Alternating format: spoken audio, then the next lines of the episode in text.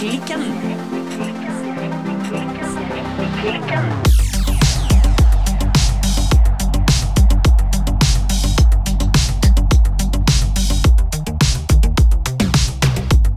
Hei, Birte. Hallo, Silje.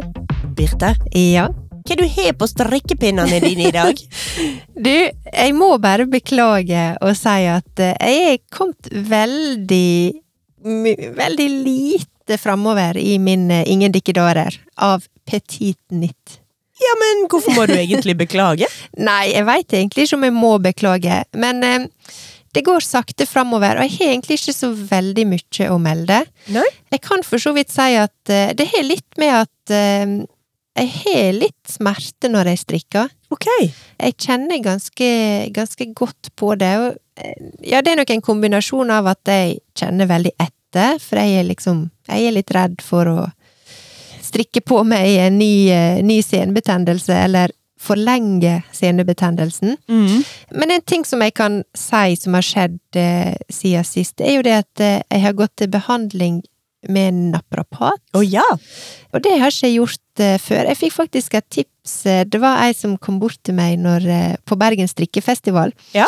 og tipsa meg om en veldig kjekk og flink naprapat eh, her i Bergen. Ja. ja, Så hun har jeg gått til. Men Eh, du? Ja. Jeg, jeg har en slags vag følelse at du har en god venninne som tipset deg om naprapat for ca. et års tid siden. Skal vi se hvor Nei, hvem kan dette ha vært? Gud. Ehm, skal vi se Og det var en eller annen som har gått til naprapat. Er det noen som føler seg oversett Det er noen som føler seg Dette sa jeg for over et år siden! Så du, du ignorerer Er meg, men hører på en tilfeldig person du møter på strikkefestival. Em, altså, men jeg har jo gått til behandling, da. Ja, jeg vet Ja. det, og så har jeg sagt ja, men har du gått til naprapat? Nei, og jeg har ikke gjort det. Nei. Men nå har jeg blitt desperat. Ja. Og kan jeg si at ja, det har vært nåler i sving, og det har vært til dels eh, ganske ubehagelig massering. Altså, massasje høres jo alltid deilig ut, men dette har ikke vært behagelig massasje. Nei, for det er ikke massasje, det er trykkbehandling er naprapater driver med. Og trykkbehandling eh, på en sånn måte at jeg har vært helt blå Ja. på armene, armene mine. Oi, det er gøy at Ja, nå, nå, nei, nå er nå kaller ikke du ermer for armer, nå kaller du armer for ermer. Ja, jeg går i surr. Men eh, jeg har vært to ganger. Jeg skal tilbake igjen, i alle fall en tredje gang. Det kjennes jo bra ut. Jeg, jeg må si foreløpig har jeg ikke konkludert på hvor mye det har hjulpet, men det er ingen tvil om at eh, det røsker og river og sliter i, i noe som ikke er som det skal. Mm. Så det kan jeg si. Jeg kan også nevne at jeg jeg faktisk eh, inne, vært i streik i et par uker. Ja, Og da hadde jeg liksom tenkt at ja, kanskje jeg kan eh, få strikka litt ekstra strikke når jeg har streikevakt, men det er heller ikke klart. Så jeg er litt sånn eh, strikkezombie for tida. du er litt strikkezombie, for du jobber jo Den egentlige jobben din, det Ja. er jo du jobber på Carte Blanche, og Ja. der er dere i streik, ja. Yes, kultursektoren eh, er i streik, i hvert fall enn så lenge. Vi får nå se når denne episoden er ute, da, faktisk. Men eh, ja, Vi får se. fortsatt i streik.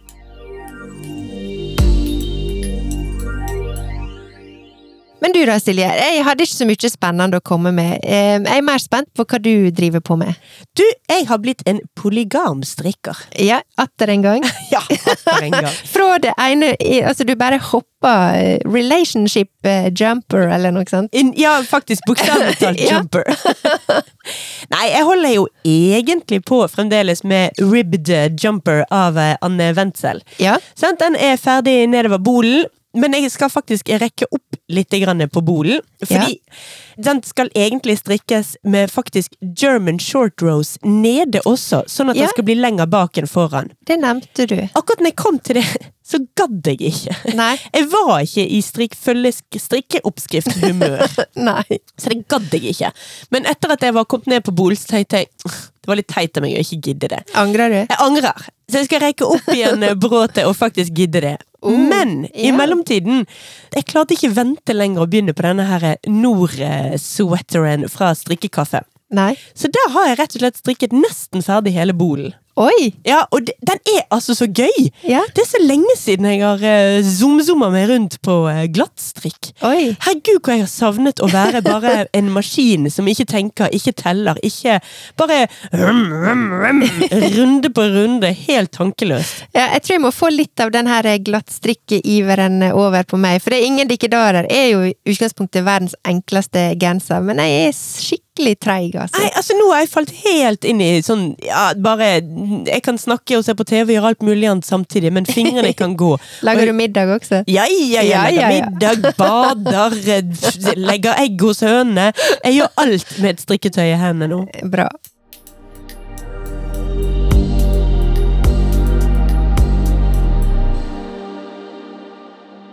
Jeg gleder meg til å se eh, Nordgenseren, for jeg har ikke sett det du har strikka. Men hva materiale var det du strikka den i? Ja, der er det jo faktisk en liten odyssé. For jeg Ja. hadde bestemt meg for å strikke den i helt jeg håper å si, eh, oppskriftens garn. Ja. Og det er vel eh, Nå husker jeg ikke helt, men det er iallfall et garn fra Sandnes. Jeg husker faktisk ikke akkurat nå i farten hvilket. Ja. Så det prøvde jeg å bestille. Ja. Men så ble det tull mellom eh, at dette skulle sendes til min lokale strikke... Nei, garnleverandør, og ting rota seg til. Oh, ja. Så jeg gikk nå bare innom garnbutikken, og da gikk jeg for alternativgarnet i oppskriften. Så Ja. det blir finull fra Rauma, kombinert med softsilkmohair fra Knitting for Olive. Ja. Så kjører jeg det i eh, melert brun. Det er litt flaut, for i utgangspunktet så tenkte jeg å, dette er en ny farge for meg. Hm, melert brun har jeg ikke strikket med før. Nei? Og så satt jeg Så satt jeg og strikket og koste meg, og så går det opp for meg Min kjære vene, jeg har på meg en genser i omtrent identisk farge. Altså, It has happened! It has happened. Så jeg strikker den altså i ganske lik farge som eh, denne her sweater nummer 13, som er strikket fra My Favorite Things Knitwear. Ja. På den positive siden så er jo det blitt en eh, litt sånn stayer-genser jeg bruker veldig mye. Ja.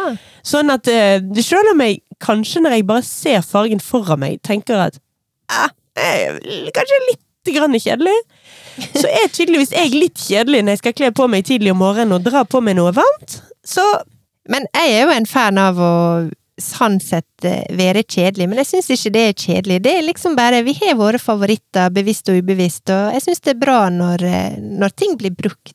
ja, noen kaller det kjedelig, andre kan jo bare kalle det klassisk. Yes. Så er det jo Det er bare, det er bare ord.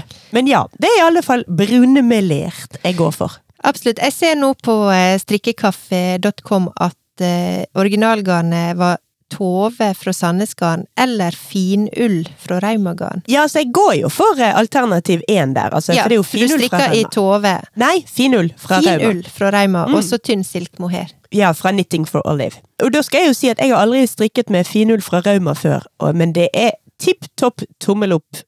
Det er Ja. faktisk bare andre gang jeg strikker i rent Raumagarn. Sist strikket jeg i Tumi. Ja. Det var helt fenomenalt. Og nå strikker jeg altså i finull. Også fenomenalt. Ja. Så to av to erfaringer med Rauma. Ja. Jo, men finull har jeg har ikke strikka med det, men eh, ja, jeg blir litt intrigued, merker jeg nå. Så var det også litt deilig å endelig få eh, strikke i noe garn som kom ferdig i nøster, og slippe med den kjedelige hespingen. Ja. Det har jo sine fordeler. Ja.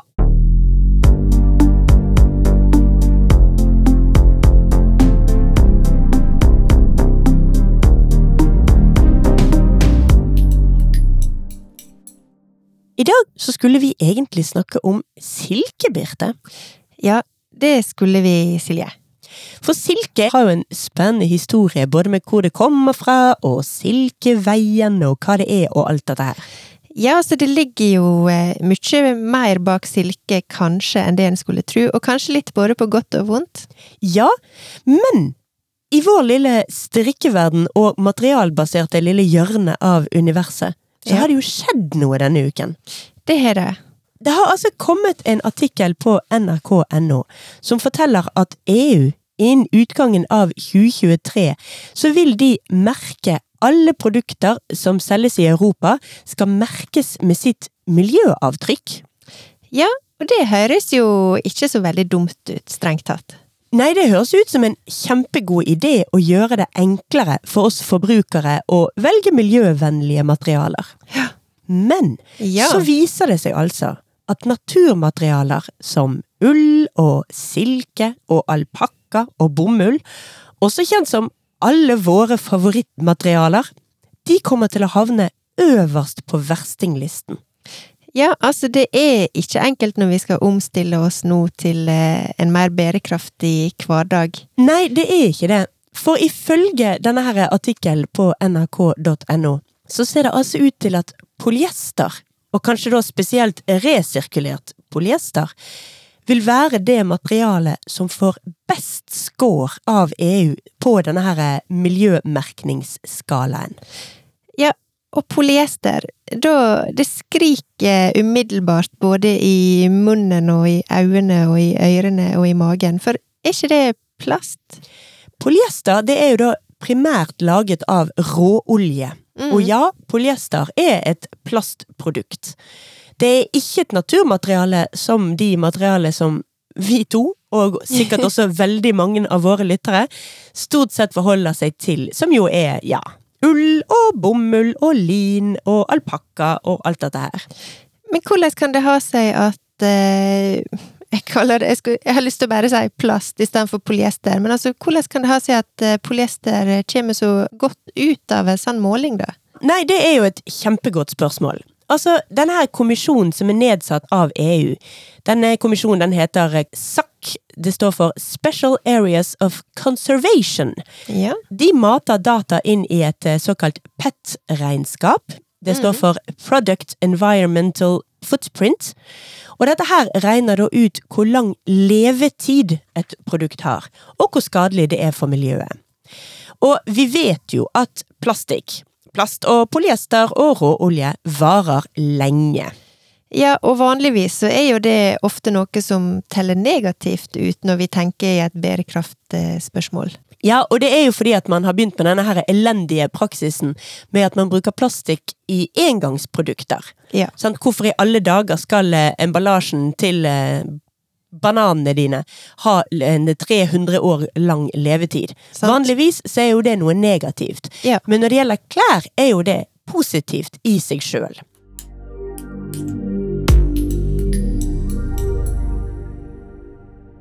Denne artikkelen som man kunne lese på nrk.no, hadde tittel Kampen om bunaden. I tillegg til denne her artikkelen, så har det denne uken vært skrevet flere kronikker på tekstilforum.no som tar for seg EU sine nye direktiver. I artikkelen Er ull gull eller hår i suppa? skriver Tone Skårdal Tobiassen at naturfibrene er under press. Ja. I en annen kronikk, kalt EU truer bunaden, så skriver eh, samme forfatter, altså Tone Skårdal Tobiasson, og Ingunn Grimstad Klepp, blant annet at den norske bunaden vil komme på listen over de minst miljøvennlige plaggene man kan ha på seg. Og hvordan kunne dette skje, da? Hvordan kunne ullen vår havne på verstinglisten når vi snakker om bærekraft? Nei, altså, der er jo åpenbart eh, mange spørsmål som, eh, som kommer opp når en leser det her, iallfall ganske sånn overfladisk. Jeg våknet jo i dag, leste disse nyhetene og tenkte kjære vene, hva er det jeg holder på med, og hva er det strikkeklikken holder på med, når vi har solgt inn naturmaterialer som det mest eh, miljøvennlige og bærekraftige alternativet, når vi har sarvet ned polyester til den store gullmedalje. Jeg vil jo si at uh, dette er nok en sak som har uh, mange sider, og det er jo ikke alltid at disse her eh, skjemaene eller måten å måle på uh, nødvendigvis viser hele sannheten. Men det vi gjorde tidligere i dag, det var jo at vi tok en prat med Ingunn Grimstad Klepp. Ingunn Grimstad Klepp hun er professor i klær og bærekraft på SIFO, OsloMet. Ja. Og vi har jo snakket om hun flere ganger før i Strikkeklikken. Absolutt. Hun er jo blant annet forfatter av denne boken Norsk strikkehistorie. Ja. Den eh, har vi jo tatt opp opptil flere ganger. Absolutt. Altså, eh, Ingunn er jo en slags eh, guru for alle som, eh, som strikker. Hun er jo det. Ja. Og det var jo utrolig kjekt å rett og slett få snakke med hun si, i levende live, dog via telefon. Ja, det er Ingunn igjen. Ja, hei Ingunn, det er da Silje fra Strikkeklikken igjen. Hei, Ingunn. Jeg sitter her. Hei, hei, Birte. Hei, hei. Hyggelig. Altså, Ingunn.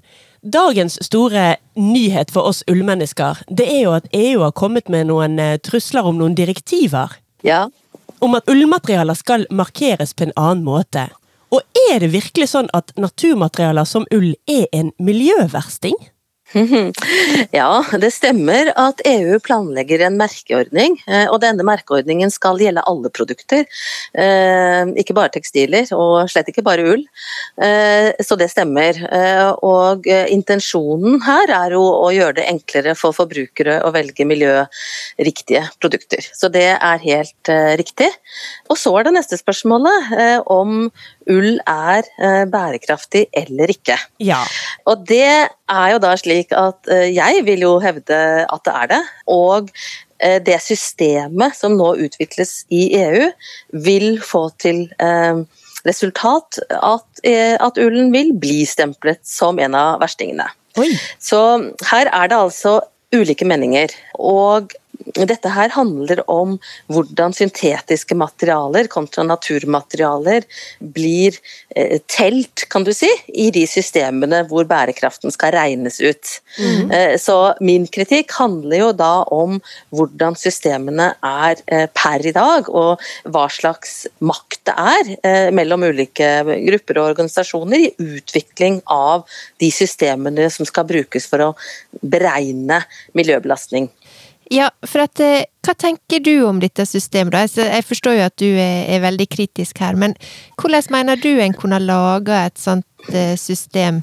Ja, Det første som må gjøres, det er å begynne å ta inn de tingene som er negativt med plast. Og Det handler jo f.eks. om nedbrytbarheten, og det handler om mikroplast. Det handler altså om å ta inn de ulempene som plast har, ikke bare skal vi si, fordelene. Ja, sant? Eh, Så det er én viktig ting. En annen viktig ting, det har med levetid å gjøre, og hvordan levetiden på produktene skal beregnes. Og det er veldig lite skal vi si, god, gode LCA-er, altså gode analyser av hvordan levetiden på produkter innenfor klær da, og tekstiler er. Mm. Men jeg tror nok allikevel at mange av lytterne her vet at levetid, altså hvor lenge man bruker noe, hvor lenge man har noe, det er faktisk ganske komplekst og sammensatt. Og den måten det er lagt inn i systemet, altså dette PEP-systemet, denne merkeordningen, per i dag, er at det først og fremst er noe som skal regnes ut eh, som styrke. Og styrke, det er jo en eh, artig eh, sak, eh, fordi at vi vet jo det at det sterkeste materialet vi har er, eh, er plastmaterialene. De er supersterke. Sånn at eh, vårt kjære ullgarn vil jo tape eh, i sammenligningen med polyester. Så det å regne ut å bruke styrke som et rent mål på levetid, det mener vi er galt.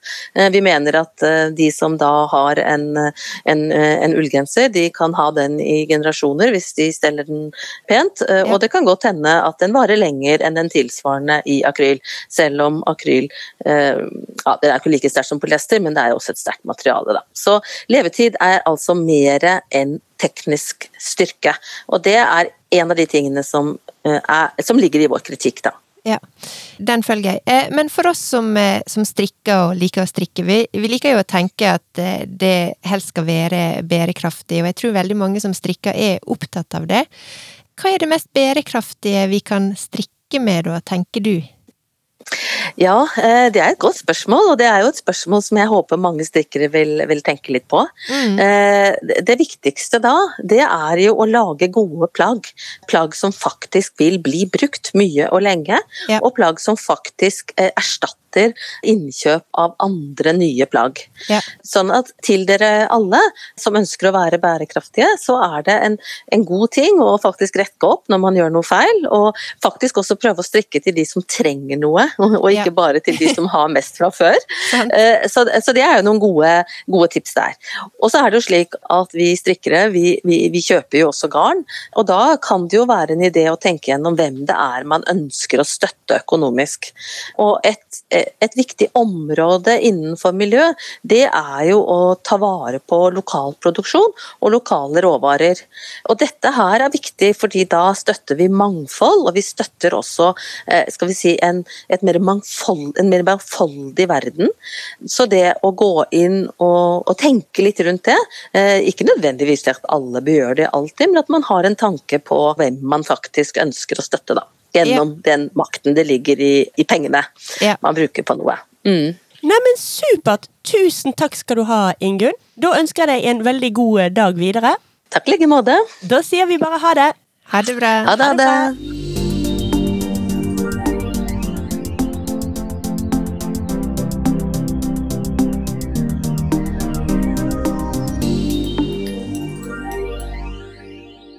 Så, Birte? Ja. Hva eh, skal du gjøre fremover? Skal du fra nå av eh, følge EUs eh, direktiver og bare strikke med polyester? Nei, altså jeg syns dette her er veldig, veldig komplekst, rett og slett. Fordi at min erfaring med polyester, det er jo også at ja, kanskje tar det lang tid å bryte seg ned, men er det liksom framtida i 2021? Nei, altså det er jo mange andre ting også. Det er mikroplasten som havner i havet hver gang vi vasker klærne. Mm. Vi vet at polyester må vaskes oftere enn naturmaterialer. Ja. Jeg mener, alle som har hatt treningsplagg, vet hvor mye kjappere de begynner å lukte vondt enn en ullgenser. Ja, og jeg syns jo ikke nødvendigvis at eh, plagg av eh, polyester eh, nødvendigvis holder seg så fint heller. Ja, mulig tåler det mye, men det, det ser jo ikke så bra ut etter en stund. Nei, altså nå må jo jeg innrømme at jeg, minus eh, sokker, så har jeg aldri strikket med garn i polyester. Og altså når jeg sier minus sokker, så er jo det sånn sokkegarn med 20-25 eh, polyester. Ja. Så jeg har jo lite erfaring med det. Men eh, på generelt nivå så tror jeg nok at jeg må ha knallharde bevis eh, på noe annet før jeg legger fra meg ulla mi, altså. Du er en ullskeptiker? Nei, Nei plastskeptiker blir du vel? Jeg er en plastskeptiker, det må rett og slett innrømmes. Så eh, jeg vet ikke. Det skal mer enn en merkelapp til for å få eh, det rive ulla ut av hendene mine, altså. Ja, jeg ser den, men nå skal jo vi Vi skal jo ikke legge skjul på at Eh, en del eh, altså naturmateriale, det har sine negative sider, det også. For eksempel bomull, som er jo da det absolutt mest brukte materialet i eh, klesproduksjon. Mm. En bruker jo enorme mengder vann altså 15 000 liter for å produsere én kilo bomull. Ja, det er helt hinsides. Um, og for å få denne bomullen til å på en måte fungere, så krever det også ekstreme mengder med sprøytemiddel, som både er skadelig og faktisk dødelig for bomullsarbeiderne. Mm. Men det som jeg syns var litt interessant også, som var i denne artikkelen fra nrk.no, det var jo at uh, under 1% av verdens klesproduksjon baserer seg på ull. Ja! Og det var veldig mye mindre enn jeg hadde tenkt. Ja, altså, jeg tror nok at uh, vi bruker mer ull enn det i Norge. Ja. Så eh, verden er jo faktisk litt større enn akkurat Norge, og verken meg eller deg og klesskapene våre er jo representative her. Det må vi jo innse. Ja. Vi bruker veldig mye mer enn 1% ull. Absolutt.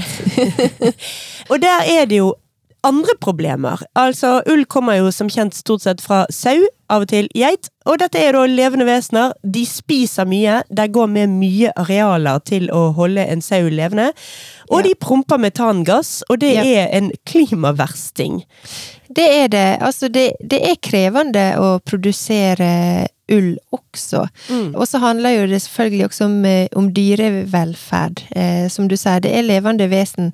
Det som faktisk kommer best ut sånn miljømessig, eller bedre ut da, i forhold til disse, eller av naturmaterialer, det er jo lin og mm. hemp og bast. Som faktisk også er 6% av verdens eh, klesproduksjon. Så det som er med naturmaterialet, det er jo det at det krever mye vann maten. Det krever kjemikalier, ofte. Eh, og det krever store, store arealer. Mm. Eh, og i tillegg så har jo du den dimensjonen når en eh, når en jobber med dyr, at mm. det også i seg sjøl er jo selvfølgelig krevende, og det skal være et visst nivå på, på dyrevelferden. Mm. Hei! Vi er Silje og Birte fra Strikkeklikken. Vi lanserer nye episoder hver eneste onsdag. Du kan høre oss via Spotify, Apple Podcasts eller hvor du nå enn foretrekker å finne podkastene dine. Følg oss gjerne på Instagram og Facebook at strikkeklikken. Eller du kan gå inn på nettsiden vår www.strikkeklikken.no. Vi høres!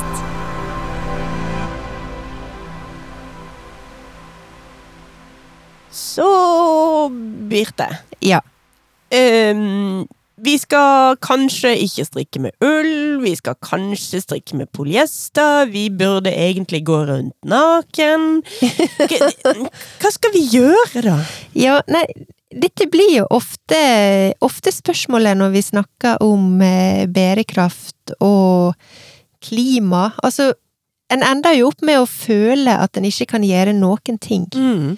Eh, og det har jo vi snakka om før i episoder vår om bærekraftig strikking, eller bærekraft og strikking. Det har vi. Men jeg syns jo det var veldig bra det som eh, Ingunn sa, det her med om å strikke noe du trenger, Mm. eller i hvert fall strikke noe som du har lyst å bruke, og som du veit du kan bruke mye.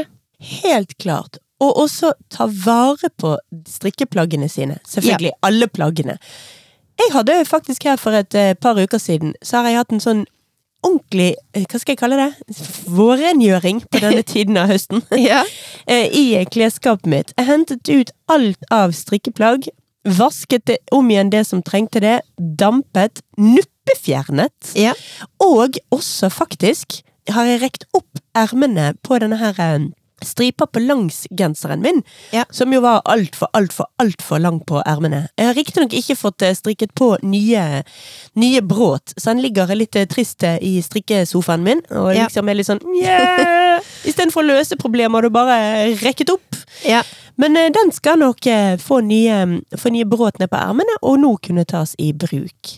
Ja, for det at jeg tror konklusjonen her må bli at det er ikke meninga at vi skal slutte å strikke, men vi kan godt eh, bli litt mer bevisste strikkere, eller bevisste forbrukere. Kjøpe da materiale eller garn som vi veit er produsert på best mulig måte, men også strikke noe som faktisk blir brukt. Mm. Og strikke noe som en har lyst på, og strikke kanskje til noen som trenger noe. Og også, når man da strikker noe som man ser at ikke kommer til å bli brukt, så rekker det opp igjen å bruke Ja. materialene på nytt.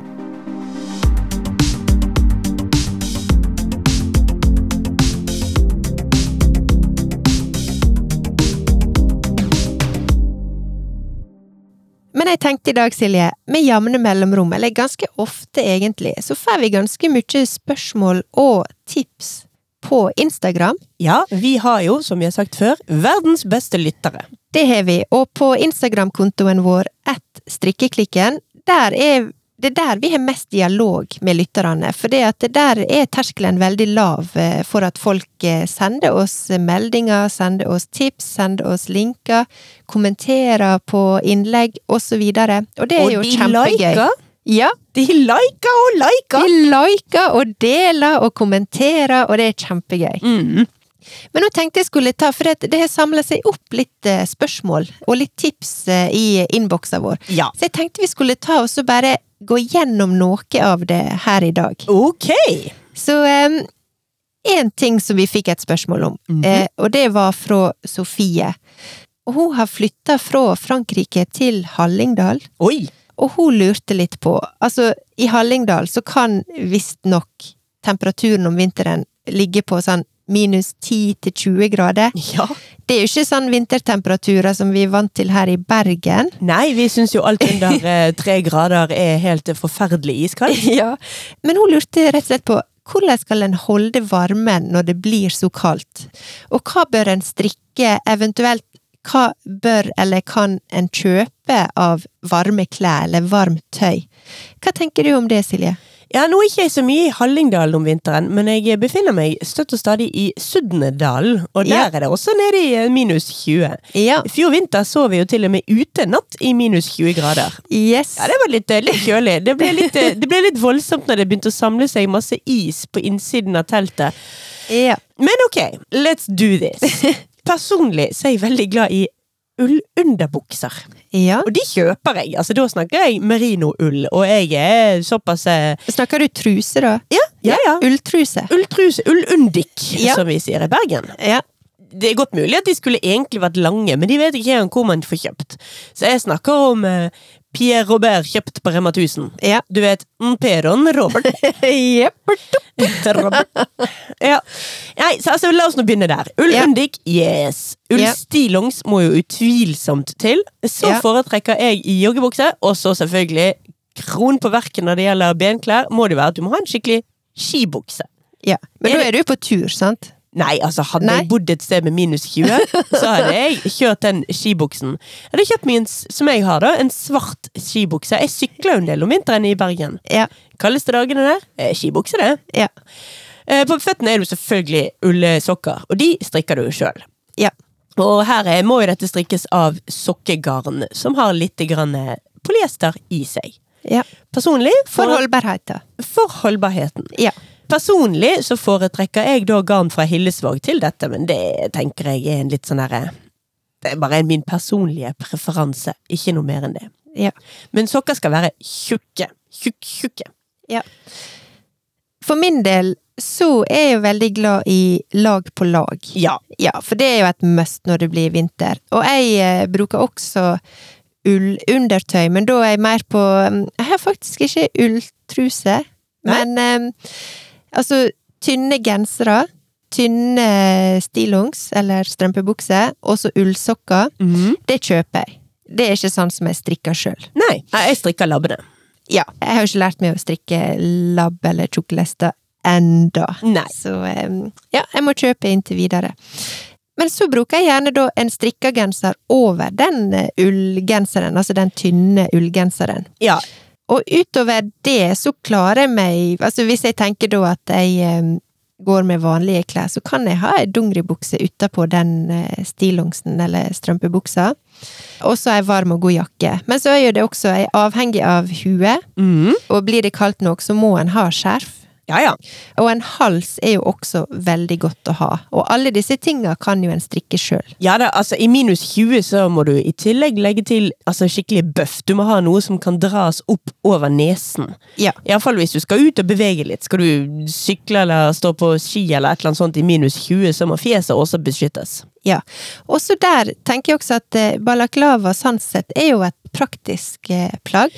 For der har jo du egentlig både hue og hals i én. Jeg vil si ja og nei. Ja. Jeg strikket meg jo flere balaklavaer i fjor, og Ja. de, var, de, de fleste av de er jo litt sånn, hva skal man si, trendnissebalaklaver. ja du strikka liksom den bybalaklavaen.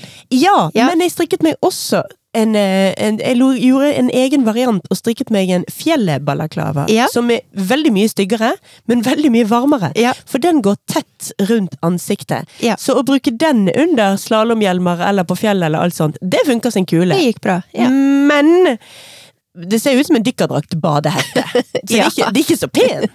Nei, men det er forskjellige typer balaklava. Jeg vil si um, den som vi begge har strikka, balaklava nummer én from My Favorite Things Knitwear, det vil jeg kalle en slags sånn bybalaklava. Ja, jålebalaklava. Ja. Mens uh, der er jo andre balaklava som er som er strikka i tjukkere, tjukkere stoff, Ja. eh, og som en da kan tenke er, er varmere og mer praktiske, sånn sett, heller enn sånn Heller enn en sånn eh, motetilbehør. Men altså, hadde jeg bodd på et sted med minus 20 grader, så hadde jeg faktisk tatt dette her to the next level og strikket Ja. meg en full-on finlandshette med bare åpning til øynene.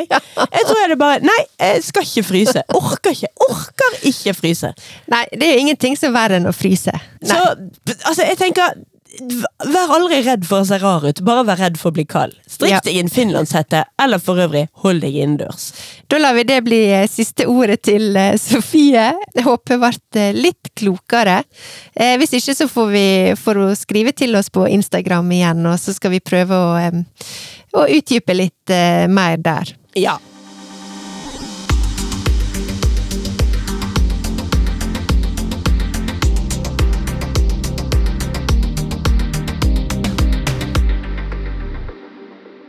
Vi har også fått et tips eh, som gjelder pinner, for det er jo et tilbakevendende tema her i episodene. Det er det. Og sist uke så kunne jo jeg fortelle at eh, ene pinnen min bare knakk. Ja. Og uten at jeg satt meg på den en gang, jeg bare liksom reiv den av med Jeg trodde ikke jeg var så sterk i disse her eh, forkrøpla armene mine. Men det skjedde. Men det viser jo seg at disse her Nitpro. Pinnene, som da er i tre, de har jo livstidsgaranti. Det har vi snakka om før, men vi kan bare nevne det igjen, at hvis disse pinnene knekker, så kan du gå tilbake igjen til butikken og så få nye pinner. Så det var bare et lite sånn tips på veien. Vi har også fått eh, et annet tips eller kommentar, og det er fordi at vi har knota veldig med uttalelsen på Quing Fiber. Ja. Ja, og der eh, Jeg tror eh, vi kan si at vi har fått en egen eh, Altså Strikkeklikkens uttalelsesekspert. Oi! For det at skapstrikkeren, Ja. hun hjalp oss faktisk når vi var veldig usikre på petit nytt. Ja. Når vi dreiv og sa det feil, så kunne hun på en måte Guide oss gjennom uttalens ja, hjelpe oss eh, hvordan vi kunne få det rett. Og nå har, føler i hvert fall jeg at vi har begynt å si det rett. Petitenit, Petit ja. Eller petitnit. Men hun eh, hadde også plukka opp at eh, vi knoter med denne her eh, Quing fiber. Men hun mente at eh, du sa det rett en gang, Silje, for du Hun mener altså da at det uttales ching. Ching Ah, fiber. Ching, ching fiber. Ching fiber. Skal det være ching eller ching? T-S-J-I-N-G. Altså Ja, da blir det ching. ching. Ha! Fiber. Så fra nå av No Ching. more quing, nå er det ching. Ching fiber. Da er, da er det rett og slett sånn det skal uttales. Og da er jo hun faktisk da utnevnt her til vår eh, personlige Sylfest Lomheim. Hva, Ja. var hva var det du sa hun het? skapstrikkeren. Altså en stor takk til eh, skapstrikkeren som orker å prøve å forklare oss hvordan vi skal uttale ting. For det er ikke så lett. Nei, det er ikke det, men tusen, tusen takk.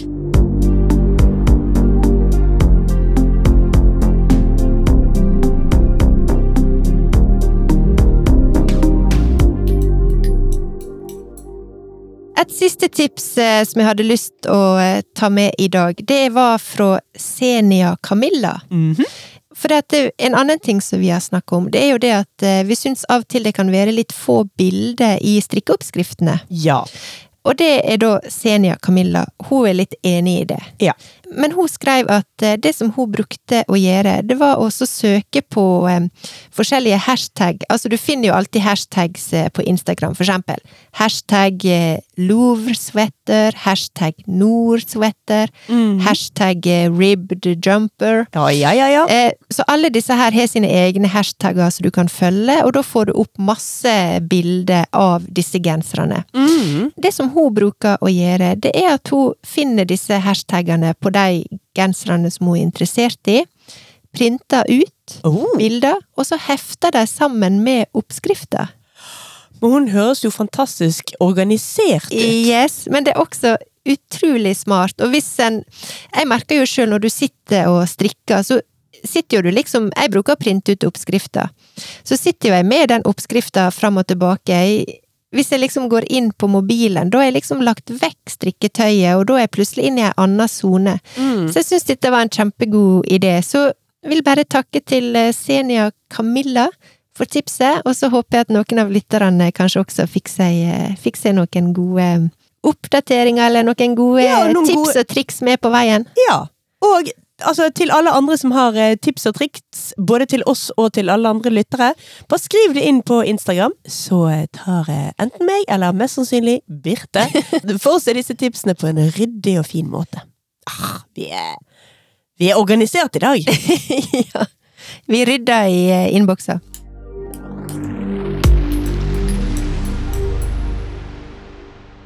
Til tross for at vi skulle snakke om silke i dag, så har vi altså rotet oss bort i EU-direktiver og andre festlige ting. Ja, men eh, noen ting er jo viktig å snakke om når det skjer. Og det er nok ikke siste gang vi kommer til å snakke om eh, strikking og bærekraft, eller garn og bærekraft. Nei, og materialer og hva vi egentlig burde ha på strikkepinnene våre. Ja. Men da gjenstår det faktisk bare å si takk for i dag, og ha en pokker så fin uke, Birte. Tusen takk, Silje, og du må ha en pokker så fin uke, du også. Og det må vi selvfølgelig også ønske til alle lytterne våre. Absolutt. Vi høres igjen neste uke. Ha det på badet! Ha det bra.